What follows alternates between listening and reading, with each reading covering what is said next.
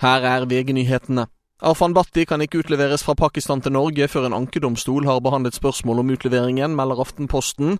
Islamisten er siktet for medvirkning til terrorskytingen under Pride-markeringen i Oslo 25.6.2022. Rettssaken mot Sanyar Matapour, som avfyrte skuddene, starter 12.3. 17 personer, blant dem flere barn, er skadd etter at en bil kjørte inn i en folkemengde i den polske byen Stettin. Vitner har fortalt at handlingen virket bevisst. Gjerningsmannen er pågrepet. Det kommer nå for lite informasjon fra kongehuset om kongens helsetilstand. Det mener VG-kommentator Yngve Kvistad. Et fly som etter all sannsynlighet skal hente kongen, er på plass på ferieøyen Langkawi i Malaysia.